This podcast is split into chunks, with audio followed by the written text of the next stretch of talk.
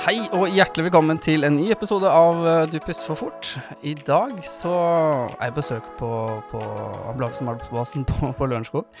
Uh, vi har rigga opp studio der. Uh, her er, altså, I podkasten nå så er det tre gjester på besøk. Uh, disse tre skal fortelle om en ganske så spennende studie som foregår på Sykehuset Innlandet. Og den studien har vekket en ganske st store interesser også i sosiale medier. Eh, og ikke rart er det fordi at de skal teste effekten og sikkerheten av metoxyfluran, intranasal fentanyl og intravenøs morfin hos pasienter over 18 år med smerter. Så i studio sitter det to stykker. Randi Simensen, hjertelig velkommen tilbake. Takk for det. Du har vært med tidligere du, i forhold til um, masteroppgaven din. Ja. Veldig, veldig tidlig. Det er faktisk tre år siden. Det er tre år siden. Det. Mm. Ja, gøy. Så nå har jeg rykka opp til studiearbeider i Innlandet. Der kan du se hva utdanning gjør for noe, altså. Ja, ikke sant? Ikke sant? Eh, en som også har gått utdannet, det er, er Fridtjof Heyerdahl. Du har også vært med i podkasten tidligere. Ja da, det er også en stund siden. Ja, jeg var inne og kikka før Altså, det, det, dette var den covid-podkasten, og den traff vi kjempegodt med. Så den har runda 35 000 nedlastninger snart. Oi. Så det, det, er, det, altså det er den beste podkasten som Eller mest nedlasta podkasten som, har, um, har, som jeg har, i hvert fall. Så det er veldig gøy. Ja. Så da regner vi jo at vi får det samme med den her, gjør vi ikke? Minst. Minst. Ja. På telefon, eh, Lars Olav Fjose, anestesilege på på Gjøvik og helikopterlege på, på Dombås. Hjertelig velkommen til deg også. Tusen takk for det. Artig å få lov å være med på dette. da. Ja, for du også har vært med tidligere. Du, vi snakket, jeg var jo på kontoret ditt på Gjøvik, der vi snakka om um, smertelindring, rett og slett. Det var hyggelig. Ja, Det var flott. Det var artig. Så vi skal snakke litt om uh, denne studien som dere nå skal uh, har igangsatt på, i, i Sykehuset Innlandet. Ja. Det må vi gjøre. Da må vi nesten snakke litt om bakgrunnen, tenker jeg. Kanskje aller først. Lars Olav, vil du si litt om bakgrunnen for studien? Ja, I utgangspunktet så så, så vi jo eh, både ambulansetjenesten og flere leger inne på sykehus at det er fint med de non-invasive metodene, fordi det ofte kan være vanskelig å legge inn venekateter både på barn og på voksne. Derfor så, så begynte vi med intranasal fentanyl og også intranasal ketamin i Innlandet, kanskje som noen av de første i landet. Og så jo at dette fungerte fint. Men eh, uansett så vil det være veldig verdifullt å få mer kunnskap eh, om disse metodene. Og Derfor så synes jo vi at det er veldig realt at eh, Sykehuset Innlandet får være med på en stor høykvalitetsstudie, hvor vi ser på om de metodene som vi har brukt noen år, om de er gode.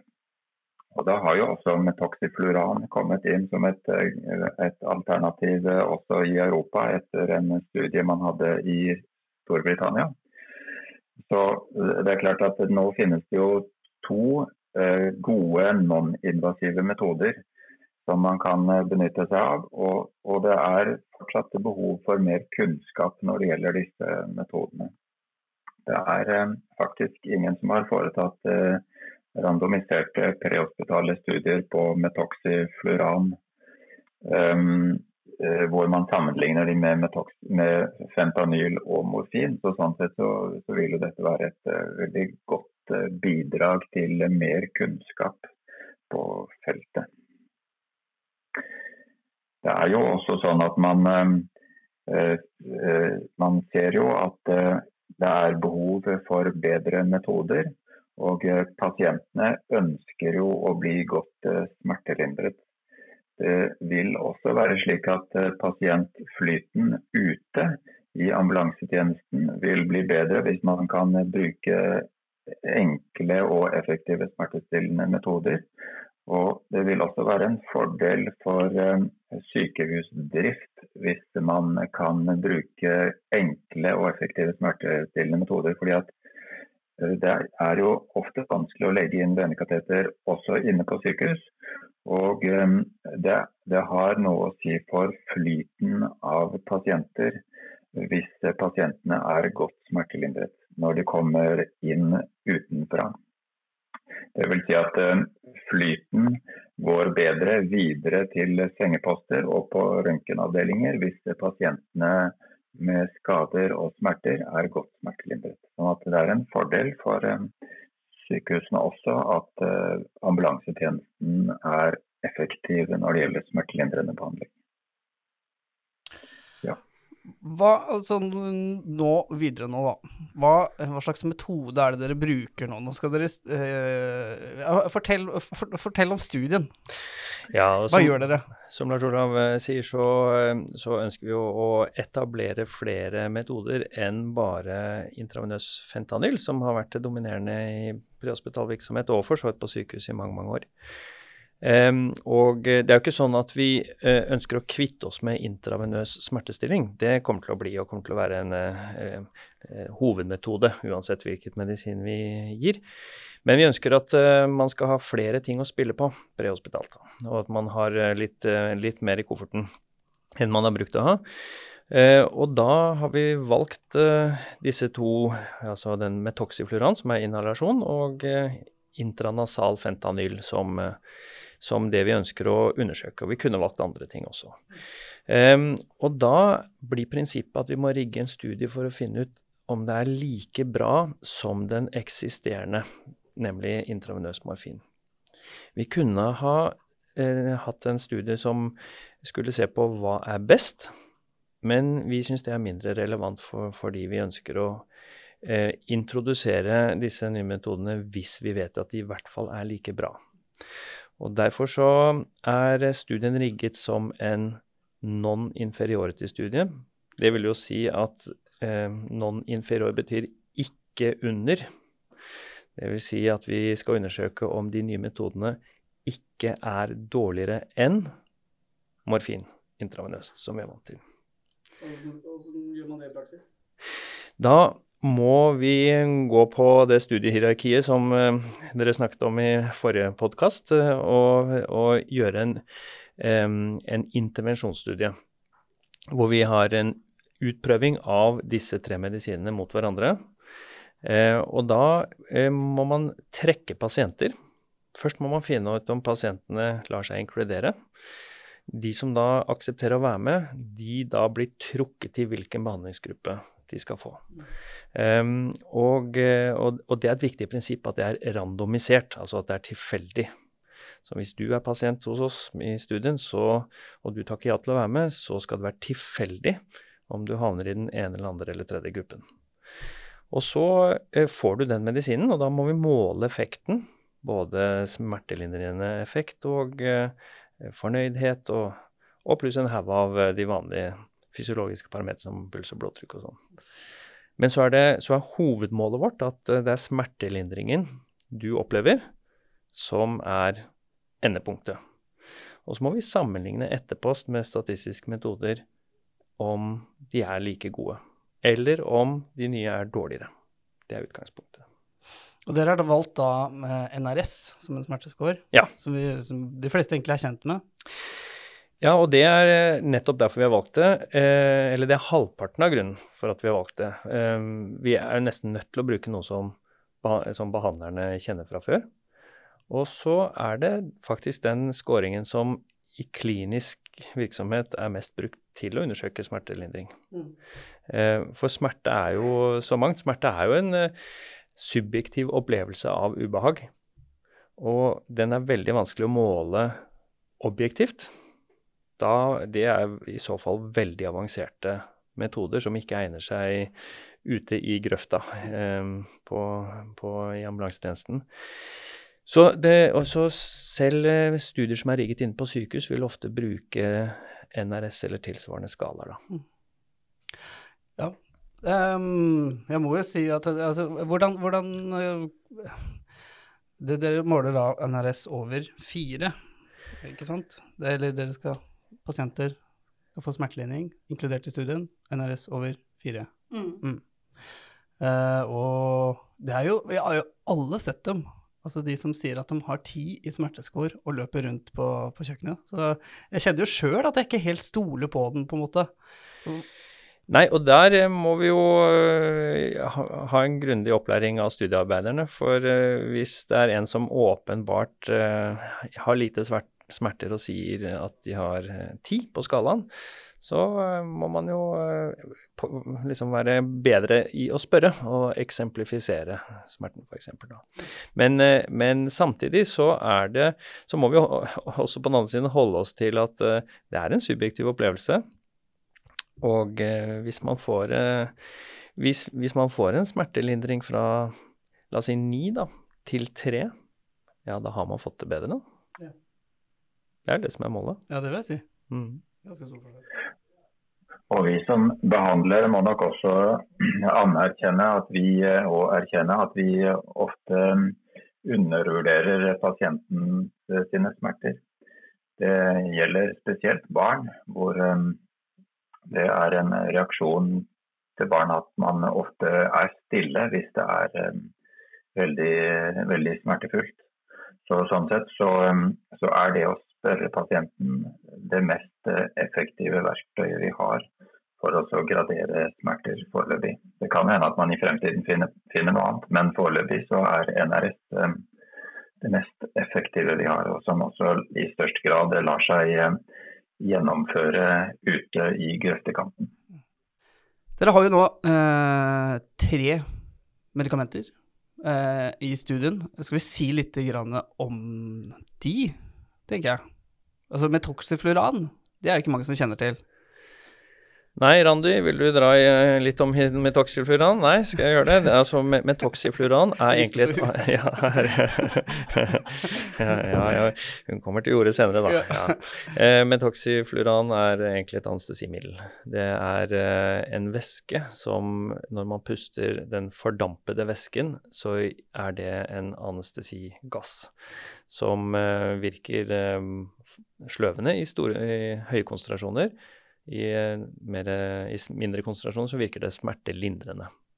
Eh, og det har man eh, lang tradisjon for å bruke andre steder i verden, f.eks. Australia og New Zealand, som har brukt det i mange, mange år. Eh, og da bruker de det ikke i en fordamper, eh, sånn som vi gjør på anestesiapparatet inne på sykehus, men i en liten pipe. Så heller man væsken fra en ampulle inn i den pipa, og så suges den opp av en veke. Og når man da drar luft, når man puster gjennom pipa, så drar man luft over denne veka, og da fordamper det da en passe mengde eh, som man puster inn. Eh, og så er den eh, sånn at man eh, får effekt så lenge man puster, men med en gang man slutter å puste den inn, så puster man ut relativt raskt effekten. Sånn at eh, man må puste i pipa, inn og ut, eh, for å ha effekt. Så det er litt det samme som lystgass, som, man, eh, som noen har erfaring med fra, fra fødsel f.eks. At man eh, holder den maska eh, inntil munnen og puster inn den så lenge man har smerter. Og så når man ikke har smerter, så tar man bort, da. Så det er den jeg har sett på Bondi Beach. Det er den, ja. Ja. Mm, Den pipa. Ja. Ja. Er den særlig brukt i Norge? Nei, den eh, kom på markedet for bare et par år siden. Eh, og har ikke vært på norske markedet før, og har ikke vært noe særlig i bruk i Europa tidligere. eh, men eh, har blitt introdusert og har fått en del bruk i noen land. Men det er jo sånn, som, sånn med medisin at vi er ganske konservative, så det tar en stund før vi hiver oss på noe nytt. Og vi oppdaget at det var ganske lite som var eh, forsket på når det gjelder den kliniske effekten ute. Og, eh, så vi ønsket ikke å introdusere en sånn metode uten å vite om den var bra nok.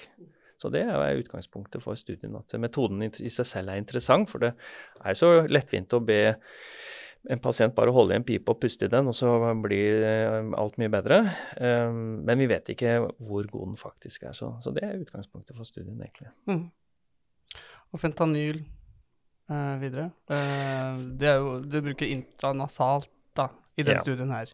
Ja. Ja. Fentanyl er jo et stoff vi har masse erfaring med. Det, så vi som er anestesileger inne på sykehuset, vi har brukt det i bøtter og spann eh, i veldig mange år. Det, men vi har stort sett brukt det intravenøst. Um, og så er det sånn at uh, opptaket er relativt godt uh, av fentanyl gjennom nesa. Og sånn at det egner seg for, uh, for den type applikasjon, da. Um, sånn at vi Og det fins en del Um, det finnes jo en del på markedet med intranasal fentanyl, men hovedsakelig for kreftsmerter. Så det vi prøver nå, er å se om den type av, eh, bruk av, av, fentanyl er bra også for de akutte smertene ute. Og Det er litt det samme som med metoxyfluoran. Det er ganske fint å kunne gi en dæsj i nesa. Det kan man gjøre veldig raskt. Og hvis pasienten får det bedre da, så har man litt mer tid til å eh, rigge pasienten og få pasienten med seg i bilen. Da. Mm, mm. Og så er det morfin. Det tror jeg ikke vi bruker tid på nå. De fleste kjenner det, bruker det i sin egen tjeneste. Uh, hvis de ikke vet hva det er for noe, så tenker jeg at de må få lese sjøl. Men det jeg har mm. lyst til å spørre om, da, er jo at dere har tre forskjellige medikamenter. Dere har tre forskjellige administrasjonsmetoder. Uh, og så skal dere sammenligne da uh, i, altså i etterkant. Hvor lett er det? Det er jo i utgangspunktet vanskelig. Og, vi brukte ganske mye tid sammen med forskningskompetanse på OS med å finne ut hvordan skal vi gjøre det. For hvis vi hadde rigget dette til som en ren eksperimentell smertestudie på friske frivillige, så hadde vi prøvd å, objektivisere smerten og hadde gitt, en, gitt enkeltdoser og prøvd å finne smertelindrende nivå per doseenhet. Men sånn kan vi ikke gjøre i ambulansetjenesten. Så det er derfor vi da eh, undersøker regimer med de forskjellige. Så man kan få eh, Og det er akkurat som du sier, det, de appliseres jo så forskjellig. Så det å gi én bolus intravenøst versus det å inhalere kontinuerlig er jo veldig forskjellig. Så vi tester egentlig ut om metoden, inkludert det å få repeterte doser, eller inkludert det å puste kontinuerlig, vil gi bra nok resultat. Så det er egentlig metoden vi undersøker, vel så mye som det er selve den smertelindrende effekten av én dose. Mm. For det ville vært vanskelig. Mm. Og, og, det gjør at eh, studien er relativt pragmatisk. Altså vi undersøker ting sånn som det er i virkelig livet. Og så ser vi blir det bra nok, rett og slett. Ja. Hm. Dere, altså En sånn type studie krever jo en del arbeid i forkant. Hva er det som, er det som kreves eh, sånn Altså, tenk på alt som ligger bak, da. Hva ligger bak en sånn studie? Ja, først så må man jo eh, Først må man finne ut hva skal vi undersøke. Altså hva vil vi? Og det høres banalt ut, men det er også superviktig. For hvis man bare har en vag idé om at man har lyst til å se på noe smerte, smertelindring, så, så, så, blir det liksom ikke noe Da blir det for mye ull. Eh, så man må være ganske spisset i eh, hva som er Hva man ønsker å finne ut av, rett og slett. Og så starter det møysommelige arbeidet med å skrive protokoll. Og i og med at dette er en eh, utprøving av legemidler, så er den underlagt veldig, veldig strenge regler. Så protokollen den må ha en spesiell form. Eh, og for å få inn alt i den protokollen som det trengs, så må man skrive en protokoll som jeg tror i, vår, i vårt tilfelle er på 86 sider eller sånn, pluss vedlegg. Um, så det er et omfattende arbeid, og så må det søkes. Når protokollen er ferdig, så må man uh, søke både regionaletisk komité og Legemiddelverket. Og man må registrere studien på sånne studiedatabaser, som dere snakket om i forrige podkast. Uh, Clinical Trials og Audra CT og en haug av sånne steder. Og man må søke Personvernombudet og så kommer de alle med sine innspill. Ja, den kan vi kanskje godta, men du må endre litt på inklusjonsalderen, eller du må endre på et skriv, eller du må gjøre ditt eller datt. Og så må man ta en ny runde til alle sammen. Og så sier du de ba endre sånn, og de ba om endring sånn, og så Og alt dette her, det tar tid. Og så, når til slutt ting begynner å bli godkjent, så Randi, da må man eh, begynne å planlegge for implementering og iverksetting. Det må man. Det har jo vært en ganske så stor jobb. Eh, både det med at vi er jo en tjeneste som er ganske fragmert, da. Fragmert, vet ikke det? Dette er fragmentert. Eh, som gjør at vi har eh, både da stasjon på Gran, vi har stasjon på Gjøvik og stasjon på Lillehammer som skal være av studiearbeidere. Eh, det gjør at det er jo ikke bare å stikke innom for å ha litt opplæring, og, og det å lage et system rundt det har vært uh, ganske mye jobb. Mm. Um, og ikke bare det, men det er òg ganske strenge krav i forhold til det med opplæring til å være studiearbeider, da. Ja, Åssen har det fungert her, da? Nei, vi har, vi har først laget et nettkurs, uh, som er et totimerskurs, som er et uh, forkurs, og så er det oppmøtebasert, hvor de lærer om det å gi studiemedisin, det å samle data, det å innhente samtykke, det å vurdere om pasienten er samtykkekompetent, uh, og det å faktisk bli forskningsarbeider. Uh, det røkker litt med det sånn det er å være ambulansearbeider til vanlig. Du må tenke litt annerledes. Nå er jo inklusjonskriterier sånn at stort sett så har vi ikke så dårlig tid på de pasientene her, så det går an å switche om litt. Og det å faktisk tenke at nå er vi på en studiepasient. Uh, og det er fint for pasienten, da. Fordi at den blir jo undersøkt fra topp til tå veldig ofte, og tatt veldig godt vare på. Mm. Har vi vært, sa vi, sa vi inklusjonskriteriene, eller? Hva, nevnte vi det? Eh, nei, det har vi ikke, annet enn smertenivå. Men eh, inklusjonskriteriene er eh, alder over 18 altså at man er voksen. Eh, og så er det at man må ha moderate eller sterke smerter, og da har vi satt eh, NRS på fire eller mer. Eh, og så må man være samtykkekompetent, som Randi sa. Er, det vil jo si at eh, man, det kan ikke være for store språkproblemer, eh, og eh, man må være seg sjæl. Og så til slutt så må det være en så skal man ha det som heter normal fysiologi. det vil jo si at Puls, blodtrykk, respirasjonsrate skal være innenfor det normale. Og grunnen til det er at vi ønsker ikke å gjøre studier på pasienter som på et eller annet vis er kritisk syke. Så sånn, akkurat som Randi sier, at uh, vi, da har man litt tid. Uh, det kan være vondt, men, men, men fysiologien skal være normal. Mm.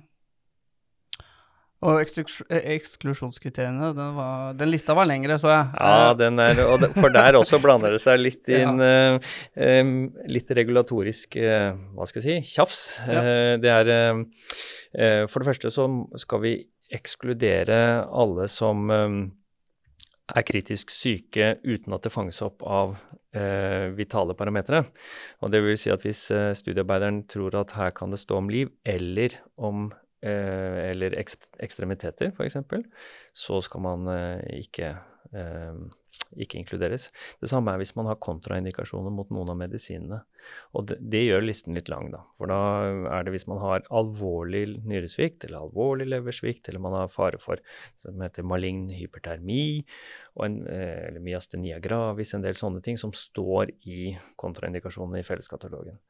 Um, og da må vi lære opp studiearbeiderne til å spørre om det på en sånn måte at uh, det ikke tar en evighet, men at man fanger det opp hvis det er noe. Uh, og det er uh, en del av den opplæringen som, som Randi har vært engasjert i å, å, få ut, nemlig at, at vi må lære studiearbeiderne til å om, til å få, fange opp alt dette og spørre om ting uten at det blir til bry for pasienten. Mm. Vi har jo vært uh, innom uh, um, Vi har snakka om uh, den uh, Paranasp-studien, og det var innom i, i, forhold til hva som kreves av studiearbeiderne, sammen med Marius Rehn. I den studien her, hva kreves av studiearbeiderne um, som skal gjøre disse prosedyrene? Ikke, prosedyrer har ikke blitt ennå, men Nei, det som kreves mest, kanskje, det er jo engasjement. Ja. ja. Uh, og det er det flust av, så det, liksom, det kan vi ha av på. Check. Uh, jeg ser folk er litt gira når de kommer inn på, på er, opplæring. Ja, ja. Det er veldig engasjement uh, på alle tre plasser, og det er kjempemorsomt å se. Uh, eller så er det det med at du må være punktlig, fordi at vi skal måle NRS-en til gitte tidspunkt. og da, når vi er tilbake til det der regulative tjafset, da, som Fridtjof sier, så kan vi ikke ta ting på slump. Den derre slump er vi litt ferdig med akkurat når vi er studiearbeidere. Ja. Uh, så det er kanskje den største utfordringa. Uh, det å klare å bruke tida på, til noe positivt, da, i stedet for at det blir uh, en hemsko. For hvis du og jeg skulle vært ute og kjørt, da, så skal vi ha den ned den trappa. og så ser vi at nei, nå er det ett minutt til vi skal gjøre nye målinger, så er det dumt å stå midt nede i trappa. Ja. Da må vi kanskje hold your horses på toppen av den trappa, bruke den tida det tar, få tatt det i målingen, for så å komme oss ned. Uh, og det å få uh, vi som er på bil, til å gå fra å være den ambulansearbeideren som uh, er, skal komme seg ned og komme seg ut i bil, som kanskje det å bli den studiearbeideren da, og, og bruke, bruke, tida. For, for, tid er den største akilleshælen vår i, i, studien, og sånn jeg ser det i hvert fall. Ja, nettopp. Men der, hvis jeg får lov å skyte inn, så tror vi også at eh, de ambulansearbeiderne som er med på studien, vil oppleve at de får god erfaring med å bruke disse regimene. Sånn at eh, de vil eh, dra nytte av dette i sitt eget arbeidsliv på sikt. For det er veldig fint å kunne være med på en studie hvor man skal sammenligne tre regimer, og hvor det er en nokså god plan for hvordan dette skal gjøres. Så sånn sett så, så så vil det være veldig bra for ens egen erfaring som fagarbeider og som, som um, ambulansearbeider at man uh, får erfaring med disse regimene. Ja, Det tror jeg er veldig sant eh, det Lars Olav sier her. og det, jeg tror det også en del av det som gjør at folk er entusiaster, da, det er at uh, de fleste av oss opplever at smertelindring av og til er vanskelig, og det er ingenting som er så kjipt som en pasient som har vondt, uh, uten at vi helt klarer å løse det der og da. Og jo mer vi har på menyen, uh, jo lettere kan vi kanskje få til. Og, så, så, det, så, at folk ser at dette er noe som kan komme til nytte på sikt, det er viktig, altså.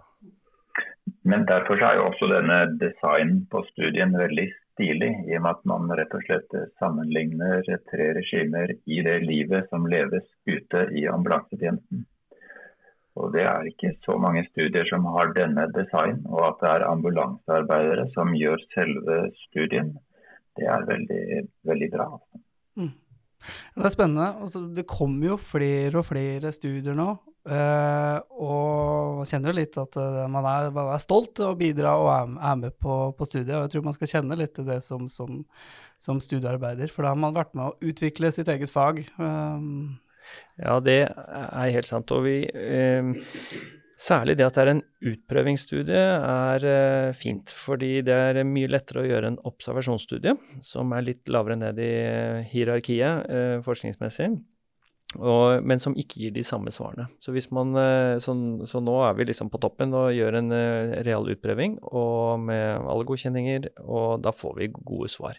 Så det blir veldig spennende å se på svarene. Vi er veldig spente på det. Ja. Det er jeg også. Er det gjort noe lignende studier tidligere? Eh, det er ikke gjort med akkurat disse medikamentene, og ikke på samme måten. Eh, så, eh, og prehospitalt, er det gjort noe eh, det, er det, er gjort, det, er gjort, noe, men, ikke, men som sagt da, ikke, med, ikke, sam, ikke, med, samme utprøvingen som det vi eh, gjør, og ikke samme sammenligningen. Um, men, men, det er klart at det, det er gjort utprøvingsstudier prehospitalt, det er det. Men uh, det er ikke så vanlig, så vi, uh, det er ikke så mange Norge, altså så mange sånne studier i Norge som vi har erfaring med. Så her er det um, de som er med på dette, får være med på litt nybrottsarbeid, da. Mm. Ja, dette her blir uh, veldig spennende å være med på.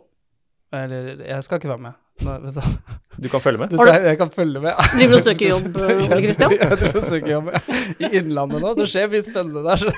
Ja, bare komme til Innlandet. Reiser oppover der. Vi må jo si uh, at hvor, uh, hvem som står bak studien, litt mer formelt, fordi den utføres jo på Innlandet. Det er det som Rande sier, det er på Gran og på Gjøvik og etter hvert Lillehammer som skal inkludere så det vil si at eh, Sykehuset Innlandet er tungt involvert og bidrar masse. Og så er kommer initiativet og pengene fra stiftelsen, eh, eller i hvert fall ikke, ikke alle pengene, men noen av pengene kommer fra stiftelsen. Eh, og det gjør at vi er helt industriuavhengig. Så det er ingen sponsing fra noen av disse legemiddelfirmaene. Tvert imot, de, vi kjøper dem på apotek og er uavhengige. Og så er det OUS som er vitenskapelig sponsor der hvor jeg kommer fra, som eh, har det overordnede vitenskapelige ansvar, selv om vi ikke inkluderer pasienter på OUS. Eh, og så er Universitetet i Oslo da med som bakerste vitenskapelig mm. ankermann. Ja, ikke sant. Mm. Så det er mye som kreves bak. Det, mm. ja. ja. vær så god. Ja, vi, har, Vi har jo med oss mange på laget eh, som, eh, som kanskje ikke får navnet sitt eh, så eh, tydelig ut. Men, men, det er klart vi har med oss eh, veldig solid statistikerstøtte. Og vi har veldig god støtte i forbindelse med eh, lagingen av, av protokollen. Og vi har også en monitor som passer veldig godt på. sånn at egentlig så er vi et svært lag som får fram denne studien. Så denne studien koster jo millioner av kroner. også. Ja, det er, ikke, det er ikke bare bare å sette, starte, en studie. Det krever litt, krever litt både penger og vilje fra veldig, veldig mange. Eller for å si sånn, det er lett å starte, men eh, litt verre å fullføre. Ja, okay, men vi er, nå har vi kommet godt i gang, da. Ja. Hmm. Um, jeg tenker vi runder av her, hvis ikke det er noe mer dere har lyst til å tilføye nå. nå jeg sa 20 minutter, men nå har vi bikka 30 på måleren min, i hvert fall. Mm. Så jeg tenker vi kan runde av. Hvis det, er, hvis det er noe mer dere har lyst til å vite i forhold til den studien her, så finner dere alltid informasjon på premiefen.com. .no. .no, ja. .no. .no. Eh, og så er dere flinke på Facebook. Uh, prøver jo det, da. Ja. ja. Det er litt uh, Det å være sosiale medier gjør i hvert fall at det er lettvint for folk å få informasjon, da. Mm. Eh, og det er jo Det er viktig. Og siden der heter Premiefen. Premiefen. Rett og slett. Ja. Jeg skal ta og dele det, sånn at en kan se det inne på Facebook-sidene. Eller så kan jeg legge en link under eh, notatene her, så kan dere se, se både nettsiden og Facebook-siden. Flott. Jeg tror vi takker for nå, ja. Ja. Og så må dere ha masse, masse lykke til. Jeg gleder meg til å fortsette. Altså, vi må jo følge dette her og se hvordan dette her uh, går. Ja. Har vi, jo, vi har jo inkludert ei uke nå, uh, og vi er i hvert fall superentusiastiske for tida som kommer. det er gjort mange inklusjoner første uka. Ja. Om, og hvor lang tid tror dere dere bruker på dette her? Ja, Vi estimerte jo ett til to år hvis vi hadde gjort våre beregninger riktige. Eh, så vi har vært superspent på denne første uka for å se om vi liksom havner på fem år eller på et halvt år. Og vi, vi, jeg tror vi skal klare den marsjtakten så vi kommer i mål på rundt et år. Ja. Da ses vi om et år, da. Vi gjør det. Nei, vi har vel ikke noe data allerede som du kan publisere, men ja. vi følges. Ja, bra. Hjertelig takk for at dere var med, Fridtjof Heyerdahl, Randi Simensen og Lars Olaf Fjose per telefon. Takk for nå. Tusen takk. Takk for nå. Ha det godt.